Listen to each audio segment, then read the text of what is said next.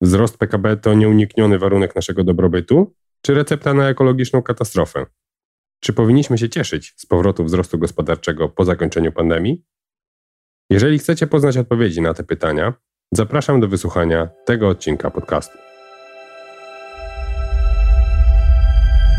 Zrównoważony rozwój to podcast o tym, jakie zmiany są potrzebne w obszarach gospodarki, energetyki i naszego stylu życia, aby uniknąć ekologicznej katastrofy i stworzyć system, w którym kolejne pokolenia cieszyć się będą dobrobytem, bez pogoni za wzrostem i konsumpcją, z poszanowaniem ograniczonych zasobów dostępnych na naszej planecie.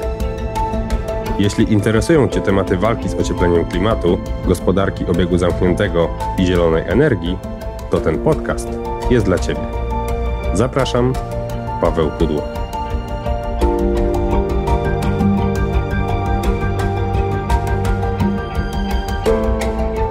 Według ostatnich prognoz Komisji Europejskiej dla krajów członkowskich Unii, wzrost produktu krajowego brutto w Polsce ma w 2021 roku wynieść 4%, a w kolejnym roku aż 5,4%. Z kolei gospodarka strefy euro ma wzrosnąć odpowiednio o 4,3% i 4,4%. Jest to powrót na ścieżkę wzrostu po skurczeniu się naszych gospodarek w pandemicznym 2020 roku. Czy jednak, aby na pewno jest to dobra wiadomość, żeby odpowiedzieć na to pytanie, zaczniemy od przyjrzenia się, czym tak naprawdę jest i skąd wziął się koncept obliczania produktu krajowego brutto. W tym celu przeniesiemy się do lat 30. XX wieku, do czasów, kiedy metodologia szacowania rozmiarów gospodarek była dopiero w powijakach. Powstanie PKB. Stany Zjednoczone, lata 30. XX wieku. Jest szczyt wielkiego kryzysu gospodarczego.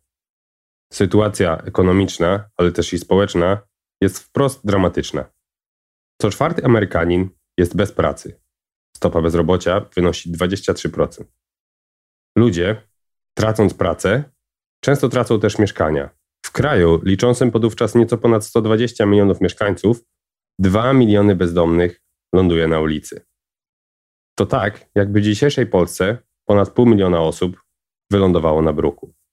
W amerykańskich miastach ludzie śpią w parkach, poprzykrywani gazetami dla ochrony przed zimnem, niektórzy z kolei śpią w rurach kanalizacyjnych, a inni budują sobie prowizoryczne schronienia z byle czego. Fragmentów starych mebli, blachy, wszystkiego co wpadnie pod rękę. W poszukiwaniu jedzenia ludzie grzebią w koszach na śmieci lub dzień w dzień czekają w długich kolejkach do punktów rozdających darmowe jedzenie, prowadzonych przez organizacje charytatywne lub służby publiczne. Oprócz dramatycznego spadku produkcji przemysłowej, ma miejsce niemalże upadek systemu bankowego. W samym 1933 roku zamknęło się 4000 różnych banków, a przez cały okres kryzysu aż 9000. Wiele osób traci zgromadzone w bankach oszczędności. W obliczu katastrofalnej sytuacji gospodarczej Kongres Stanów Zjednoczonych w 1932 roku powierza pracującemu w Narodowym Biurze Badań Ekonomicznych Simonowi Kuznecowi, ekonomiście białoruskiego pochodzenia, stworzenie metodologii, która pozwoli na obliczenie rozmiarów produkcji gospodarczej. Kuzniec przygotował raport, który momentalnie stał się bestsellerem. Można było go wówczas kupić za 20 centów.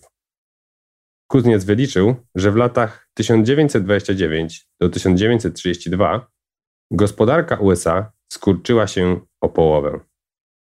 Był to początek metodologii pozwalającej szacować rozmiary krajowej działalności gospodarczej i która to praktyka bardzo rozpowszechniła się w kolejnych latach. Można by zadać sobie pytanie, dlaczego dopiero w latach 30. w centrum zainteresowania rządu znalazło się mierzenie wielkości gospodarki? Odpowiedzi należy szukać w historii.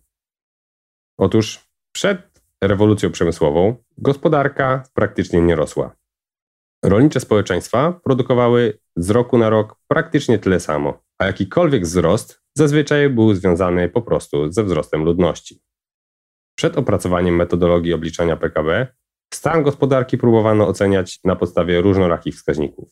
Jednym z nich była ilość przeładowanych wagonów kolejowych, innym wskaźnikiem, który często brano pod uwagę, była ilość wyprodukowanej stali w danym kraju.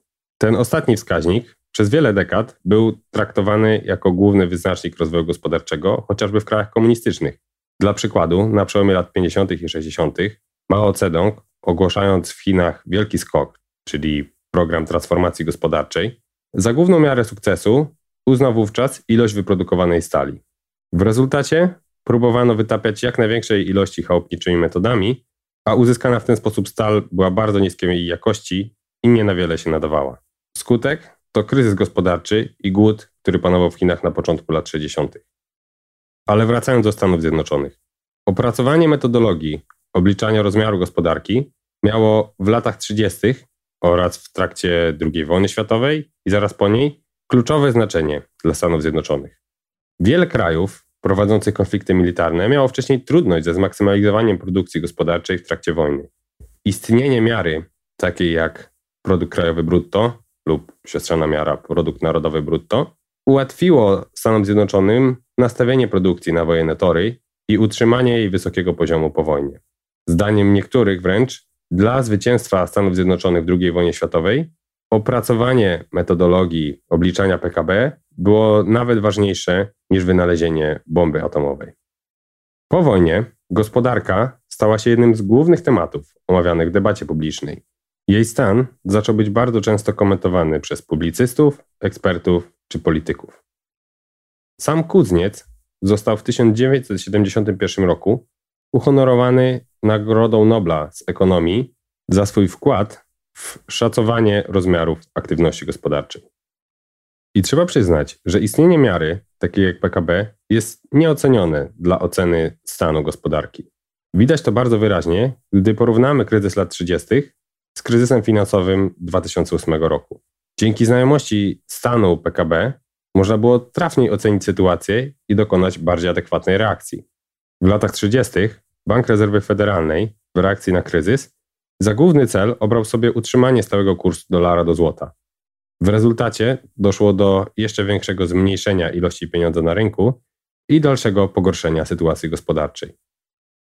W 2008 roku odpowiedź była zgoła odmienna. Błyskawicznie uruchomiono pakiet stymulacyjny i zasilono gospodarki silnym zastrzykiem gotówki, zarówno w Stanach Zjednoczonych, jak i w Europie czy innych miejscach świata. Warto w tym miejscu zaznaczyć, że choć pakiet ten pozwolił zminimalizować recesję i względnie szybko powrócić na ścieżkę wzrostu gospodarczego, to niestety inwestycje w zielone sektory gospodarki stanowiły średnio tylko 16% uruchomionych pakietów stymulacyjnych. Gro wsparcia trafiło, oczywiście obok sektora bankowego, do branży paliw kopalnych i innych wysokoemisyjnych sektorów gospodarki. Nie ulega jednak wątpliwości, że regularne pomiary rozmiarów aktywności gospodarczej, czyli mówiąc wprost wielkości PKB, umożliwiły szybką reakcję i ocenę, czy działania przynoszą zamierzony skutek. Trzeba przyznać, że PKB dobrze się sprawdza do mierzenia poziomu aktywności ekonomicznej, ale jest też szereg rzeczy, których miara ta nie uwzględnia. Przyjrzyjmy się im bliżej. Wady PKB. Istnieje cały szereg aktywności, które nie są uwzględnione w PKB, a w znaczący sposób zwiększają dobrostan społeczeństw. Są to przykładowo wszystkie te prace, za które nie pobieramy wynagrodzenia, takie jak opieka nad dziećmi, prace domowe, wszelkiego rodzaju wolontariat, też często nie jest uwzględniany w wyliczeniach PKB. Również działania zwiększające dostęp do wiedzy często nie mają wpływu na wielkość PKB. Świetnym przykładem jest tu Wikipedia za tworzenie treści, w której autorzy nie pobierają wynagrodzenia, lub tworzenie darmowego oprogramowania dostępnego bez reklam. Często takie aktywności wręcz zmniejszają PKB. Ktoś mógłby wszak poświęcić ten czas na wyprodukowanie czegoś lub dostarczenie płatnych usług. A w najlepszym razie po prostu nie wpływają one na wzrost PKB.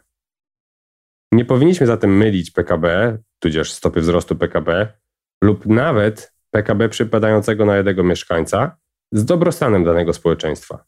Powinniśmy uważać na polityków i ekonomistów, którzy wypowiadają się w taki sposób, jakby te pojęcia były tożsame. To były aktywności, które, choć niosły ze sobą oczywisty pożytek, nie były widoczne w PKB. Są z kolei takie działania, które pozytywnie wpływają na wzrost PKB i choć są one kosztowne, z racjonalnego punktu widzenia są po prostu bezsensowne. Sporo takich przypadków możemy znaleźć choćby w Chinach, których PKB od wielu dekad rośnie w bardzo szybkim tempie. Jednym z nich mogą być chociażby powstające w wielu chińskich miastach osiedla widma, w których buduje się tak dużo mieszkań, że wiele z nich nigdy nie zostanie zamieszkanych. Innym przykładem jest przesadny wzrost mocy w elektrowniach węglowych, który nastąpił, gdy w 2014 roku centralne władze Chin postanowiły zdelegować zatwierdzanie tego typu inwestycji na władze regionalne. Władze centralne nie przewidziały jednak, że lokalne elity partyjne będą kierowały się trochę innymi kryteriami niż miały znaczenie dla władz centralnych. Lokalne elity partyjne chciały często mieć dodatkowe elektrownie w swoim regionie, by stworzyć dodatkowe miejsca pracy lub uzyskać przychody z podatków z ich działalności. W rezultacie przez kilka dobrych lat moce elektrowni węglowych rosły dużo szybciej niż rzeczywiste zapotrzebowanie na tego typu energię, nawet w takiej energochłonnej gospodarce, jaką są Chiny. Każda z tych zbędnych elektrowni była kosztowną inwestycją, która wpłynęła na wzrost PKB. Inny przykład możemy znaleźć niewiele dalej, bo w Japonii. W ramach inwestycji publicznych podjęto tam budowę szeregu betonowych umocnień na wybrzeżach, oficjalnie w celu obrony przed falami tsunami, ale w praktyce chodziło po prostu o stymulowanie wzrostu gospodarczego. Przyczyniło się to do zniszczenia wielu cennych przyrodniczo obszarów nadmorskich przy wątpliwych faktycznych korzyściach. Często również katastrofy naturalne działają jako czynnik stymulujący wzrost gospodarczy. Jeden z przykładów może być chociażby huragan Andrew, który uderzył we Florydę w 1992 roku, ale jego długotrwałym skutkiem było zwiększenie zatrudnienia spowodowane nowymi inwestycjami budowlanymi, które miały odbudować dotknięte rejony po zniszczeniach, a rezultatem był wzrost PKB w tym stanie w porównaniu do okresu sprzed uderzenia huraganu. Innym przykładem katastrofy naturalnej, która wpłynęła na zwiększenie stopy wzrostu gospodarczego, było trzęsienie ziemi w Japonii w 2011 roku. Pomimo zniszczeń, finalnie wpłynęło ono na zwiększenie stopy wzrostu gospodarczego. Biorąc pod uwagę ilość osób, które ucierpiały w wyniku tych czy innych katastrof naturalnych, trudno traktować powodowany nimi wzrost PKB jako coś jednoznacznie pozytywnego. Znamienny jest też fakt, że wyliczenia dotyczące PKB nie biorą w ogóle pod uwagę kwestii środowiskowych. Wyobraźmy sobie taką hipotetyczną sytuację. Fabryka, która, aby obniżyć koszty, wyrzuca odpady produkcyjne i inne śmieci do pobliskiej rzeki. Następnie jakaś organizacja pozarządowa lub lokalny samorząd płaci komuś za wyłowienie tych śmieci z rzeki. Skutek dla PKB? Dodatkowy wzrost z dwóch powodów. Po pierwsze, fabryka wyprodukuje więcej towarów niż miałoby to miejsce, gdyby nie obniżyła w ten sposób kosztów, a poza tym została wygenerowana dodatkowa usługa oczyszczania rzeki, która nie byłaby potrzebna, gdyby nie ta praktyka tejże fabryki. Racjonalnie rzecz biorąc, lepiej gdyby w ogóle nie doszło do tej sytuacji. Natomiast z punktu widzenia PKB, jednoznacznie wpływa ona na zwiększenie wzrostu. Nawet gdyby nie dochodziło nigdy do tego typu sytuacji, to postawmy proste pytanie: czy zielony wzrost jest w ogóle możliwy? Otóż przegląd opracowań naukowych na ten temat całkiem jednoznacznie wskazuje, że jeśli przyjmiemy wiarygodne założenia oparte na danych empirycznych, to wzrost gospodarczy bez jednoczesnego zwiększenia zużycia zasobów nie jest możliwy. Nawet jeżeli zużywamy mniej zasobów na każdą jednostkę PKB, to sumaryczne zużycie zasobów zawsze wzrasta w związku z tym, że PKB rośnie po prostu szybciej niż spadek tempa zużycia surowców. Link do materiałów obszerniej opisujących to zagadnienie znajdziecie w notatkach do tego odcinka podcastu. Link do nich możecie odnaleźć w opisie odcinka. Oczywiście, może się zdarzyć, że za jakiś czas wynajdziemy technologie, które pozwolą nam zmienić sytuację. Na przykład produkować gigantyczne ilości energii niskim kosztem. Natomiast opieranie polityki gospodarczej na nieistniejących jeszcze technologiach, które być może nigdy nie powstaną, byłoby bardzo nierozsądnym podejściem. Podsumowując, musimy przyznać, że wzrost gospodarczy równa się większemu zużyciu zasobów oraz większym emisjom gazów cieplarnianych. Są oczywiście możliwe wyjątki. Takim przykładem jest chociażby Polska, która po transformacji ustrojowej 1989 roku i związanym z nią upadkiem energochłonnego przemysłu znacząco zmniejszyła swoje emisje dwutlenku węgla przypadające na każdego mieszkańca, pomimo występującego w analogicznym okresie wzrostu gospodarczego. Ale co do zasady, wzrost gospodarczy jest jednoznaczny ze zwiększeniem zużycia zasobów.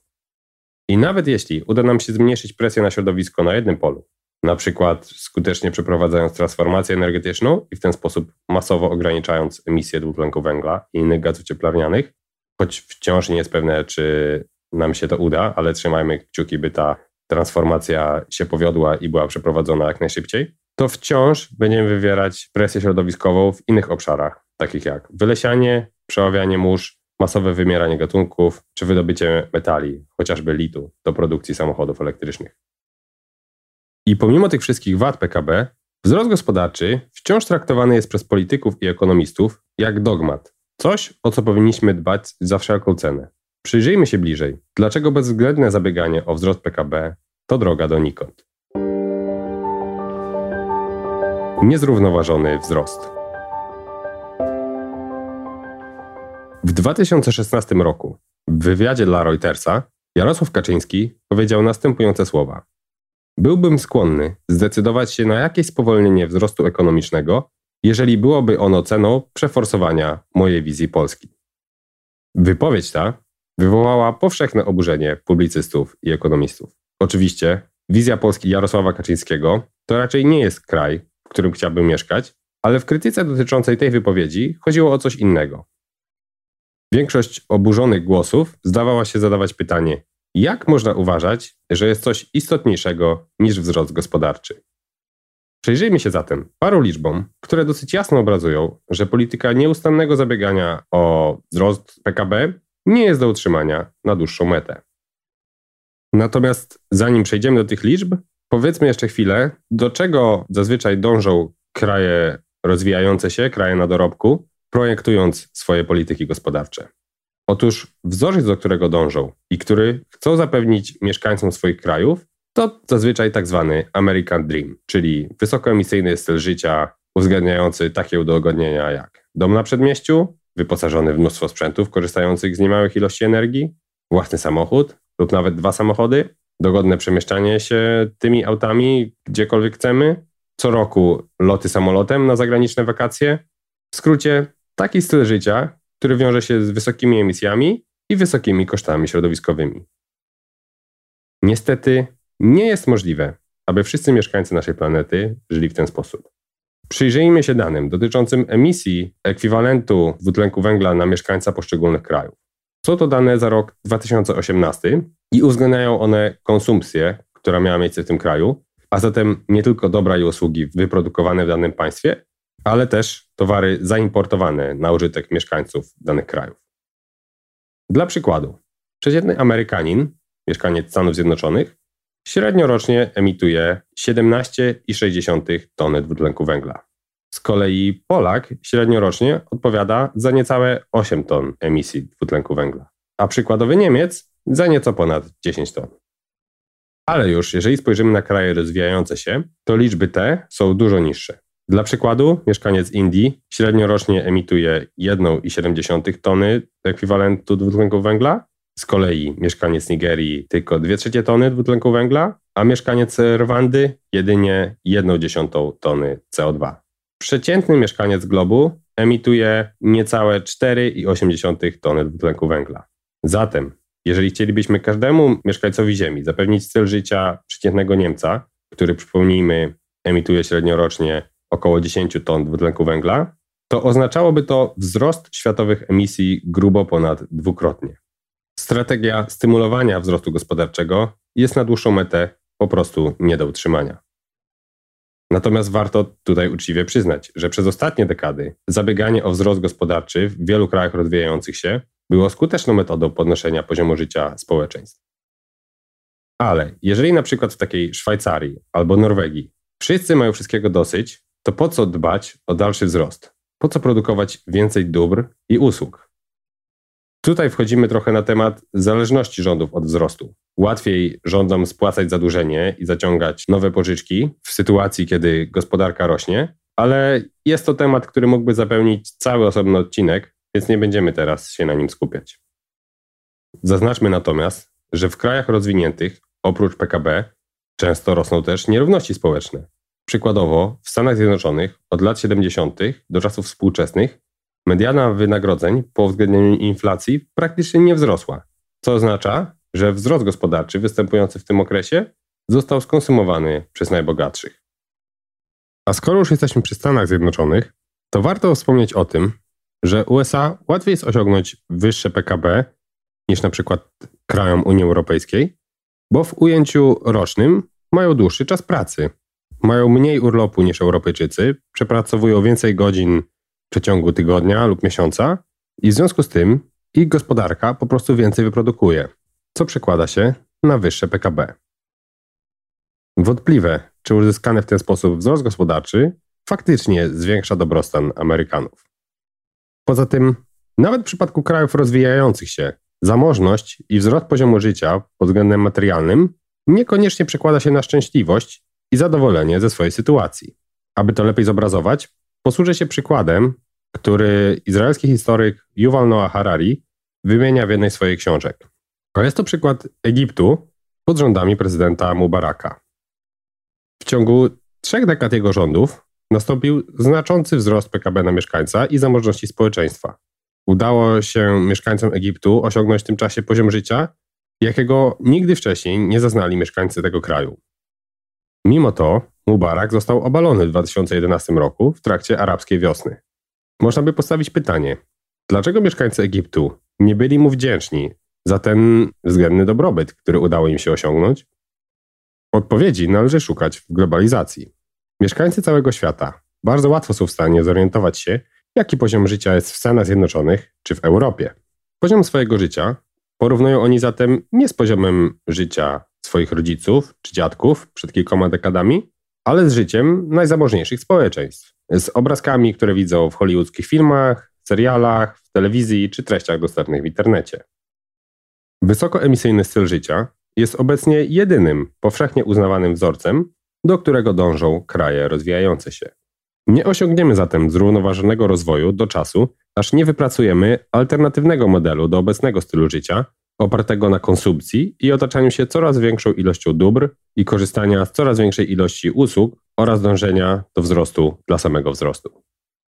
Bo trzeba przyznać, że rozbuchana konsumpcja sprzyja wzrostowi PKB, ale jednocześnie nasila takie zjawiska jak kryzys klimatyczny, presje na środowisko naturalne, wycinanie lasów tropikalnych, drastyczne kurczenie się populacji owadów, w tym owadów zapylających, wymieranie gatunków, erozję i wyjałowienie gleb, kurczenie się dostępnych zasobów wodnych. Krótko mówiąc, wszystkich tych zjawisk, które powodują, że nasz obecny wzrost ma dość kruche podstawy i których dokładne omówienie na pewno pojawi się w kolejnych odcinkach tego podcastu. Skoro wzrost gospodarczy ma tyle efektów ubocznych, to spróbujmy przyjrzeć się bliżej sytuacjom, w których moglibyśmy uznać wzrost PKB za dobrą wiadomość. Dobry i zły wzrost. Jeżeli Europejski Zielony Ład i reformy prezydenta Bidena w Stanach Zjednoczonych spowodują odejście od paliw kopalnych, masowe inwestycje w energetykę odnawialną bądź energię atomową oraz zmiany procesów produkcyjnych w branżach wytwórczych w kierunku gospodarki obiegu zamkniętego, czyli tak zwanej circular economy.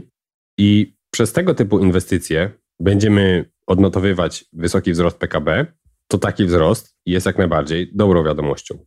Natomiast jeżeli nasze pakiety stymulacyjne po pandemii przywrócą wzrost, ale przez wsparcie wysokoemisyjnych branż, tak jak to było w 2008 roku, czyli przywrócenie tak zwanego business as usual, to zdecydowanie będzie to zła wiadomość. Oczywiście nie byłoby dobrze, gdyby wzrost PKB wyhamował w Europie, ale kosztem zwiększonego importu z Chin i innych gospodarek o wysokich emisjach.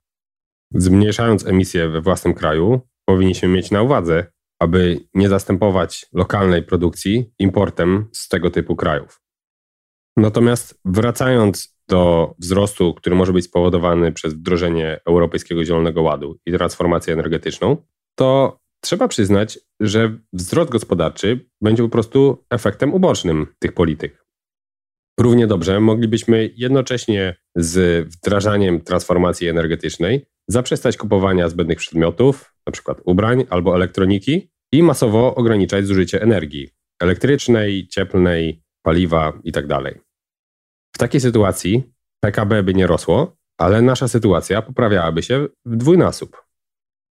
Po prostu sama informacja, jest wzrost PKB, nic nie mówi o tym, czy sytuacja zmierza w dobrym kierunku. Żeby ocenić tą informację, potrzebujemy wiedzieć, z czego ten wzrost wynika. I nawet sam Simon Kuzniec miał sporo zastrzeżeń do kierunku, w którym powędrowała metodologia wyliczania wielkości gospodarek. Bo trzeba przyznać, że od lat 30. XX wieku mocno ona ewoluowała. Na początku wytyczne wyliczania PKB i PNB, czyli produktu krajowego brutto i produktu narodowego brutto, liczyły kilkadziesiąt stron. Teraz tego typu podręcznik liczy stron kilkaset. Kuzniec od początku uważał, że do wyliczania rozmiaru gospodarki powinniśmy uwzględniać te sektory, które przyczyniają się do zwiększenia dobrostanu społeczeństwa. Był przeciwny uwzględnianiu w wyliczeniach PKB takich branż jak marketing, wojskowość czy sektor finansowy. Już w latach 60. krytykował on nadmierne poleganie na mierze, którą pomógł stworzyć. Podkreślał, że istotna jest nie tylko ilość, ale też jakość wzrostu oraz bardzo ważne jest, czy patrzymy w perspektywie krótko czy długoterminowej. W swoim wykładzie, wygłoszonym w 1971 roku po otrzymaniu Nagrody Nobla, zawarł szereg uwag, jak poprawić istniejące miary i metodologię ich wyliczania. Bo trzeba przyznać, że metodologia ta jest w znacznym stopniu arbitralna. Przykładowo, niektóre kraje wliczają szarą strefę do swojego PKB, a inne nie. Dla przykładu, Włochy w 1987 roku zdecydowały się rozpocząć doliczanie szarej strefy do swojego PKB i w rezultacie ich gospodarka urosła o 20% z dnia na dzień. Inny podobny przykład z 2006 roku to przykład Grecji, której gospodarka wzrosła o 25% po uwzględnieniu szarej strefy w PKB. Uwzględnianie lub nie szarej strefy to nie jedyny przykład arbitralności przy wyliczaniu produktu krajowego brutto. Dla przykładu, w Wielkiej Brytanii w maju 2014 roku wprowadzono szereg zmian w krajowej metodologii obliczania PKB. Zmiany dotyczyły m.in. szacunków dotyczących wartości usług na rzecz gospodarstw domowych świadczonych przez organizacje non-profit, ale też do PKB rozpoczęto wliczanie sektora prostytucji czy nielegalnego handlu narkotykami. W efekcie w maju 2014 roku PKB Wielkiej Brytanii wzrosło o około 4-5%. Kuzniec prawdopodobnie nie przyznałby racji, że im większy nielegalny handel narkotykami lub im większy rozmiar sektora usług seksualnych, tym zdrowszą mamy gospodarkę. W ogóle, o ile w kraju o gospodarce nastawionej głównie na produkcję relatywnie łatwo jest dokonać pomiaru PKB, to w krajach rozwiniętych, gdzie ponad 2 trzecie gospodarki stanowi sektor usług, bardzo dużo zależy od przyjętych założeń. Przede wszystkim założeń dotyczących tego, jaka jest średnia cena danych usług uwzględnionych w oszacowaniach. Są też usługi, które bardzo ciężko skwantyfikować. Na przykład, jak porównać ze sobą usługi z sektora architektury krajobrazu. Produkt krajowy brutto po prostu nigdy nie był idealną miarą, a nasze obecne totalne zapatrzenie na jego wzrost przynosi nam więcej szkód niż pożytku. Potrzebny byłby nam nowy, bardziej adekwatny do obecnych czasów sposób oceniania, czy nasza gospodarka i nasze społeczeństwa zmierzają w dobrą stronę. Trzeba przyznać, że było kilka takich prób. Jedna z pierwszych podjętych została przez Bhutan, czyli małe azjatyckie państwo pomiędzy Chinami a Indiami, których król już w 1972 roku postulował zbadanie szczęścia narodowego brutto zamiast produktu narodowego brutto jako prawdziwego wskaźnika dobrostanu danego społeczeństwa. W 2008 roku przeprowadzono pierwsze badanie tego wskaźnika w Butanie i choć niektóre zamierzenia wydają się sensowne, wskaźnik ma chociażby uwzględniać kwestie takie jak ochrona środowiska naturalnego czy zachowanie lokalnej kultury, to koncept spotkał się z krytyką. Po pierwsze za nieobiektywność. Miara została skalibrowana tak, aby Bhutan wypadł w badaniu jak najlepiej, ale też za fakt, że czystki etniczne wykonywane przez władze na hinduskiej mniejszości nie wpływają w żaden sposób na wielkość tego wskaźnika. Inną miarą, która miała lepiej niż PKB wskazywać, czy dane społeczeństwa radzą sobie dobrze czy nieco gorzej, był Human Development Index, po polsku zazwyczaj tłumaczony jako wskaźnik rozwoju społecznego. Jest to wskaźnik opracowany w 1990 roku, który bierze pod uwagę takie czynniki jak długość życia mieszkańców danego kraju, średnia ilość lat edukacji przypadających na mieszkańca, czy PKB na mieszkańca uwzględniające parytet siły nabywczej. Wskaźnik ten jest wykorzystywany chociażby przez y, Agencję do Spraw Rozwoju Organizacji Narodów Zjednoczonych.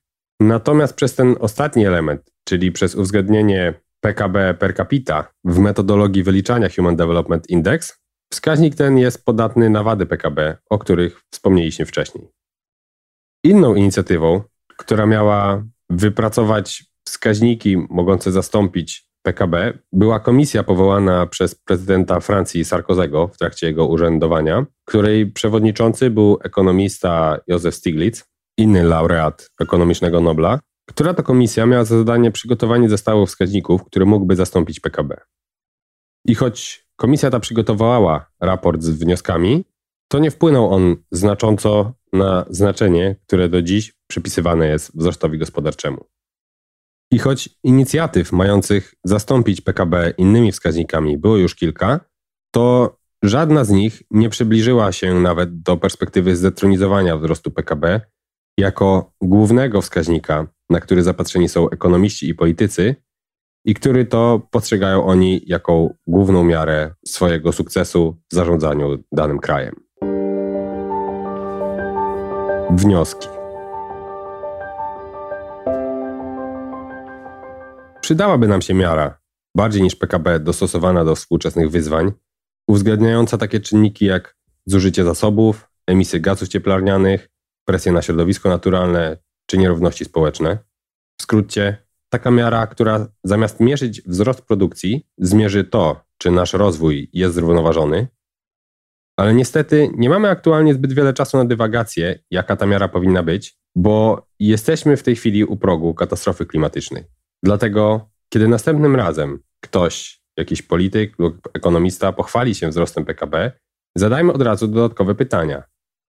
Czy w tym okresie, w którym miał miejsce wzrost PKB, emisje gazów cieplarnianych danej gospodarki wzrosły czy zmalały? Czy nierówności społeczne zmniejszyły się czy zwiększyły? Innymi słowy, kto skonsumował ten wzrost? Jeżeli odpowiedzi na te dodatkowe pytania nie są takie, jakbyśmy oczekiwali, to zapewne informacja o wzroście PKB też nie jest pozytywną wiadomością.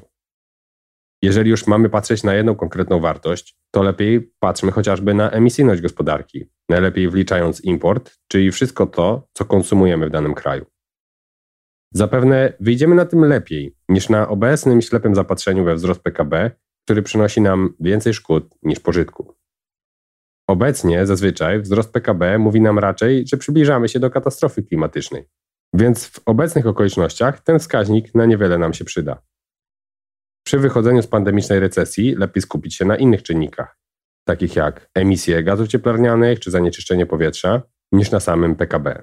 Jeżeli wielkość PKB wraca do stanu sprzed pandemii, ale do poprzedniej wielkości wracają też emisje CO2, bez nadziei na ich rychły spadek, to znaczy, że raczej nie zdaliśmy lekcji, jaką mogła nam dać pandemia. W dzisiejszym odcinku to już wszystko.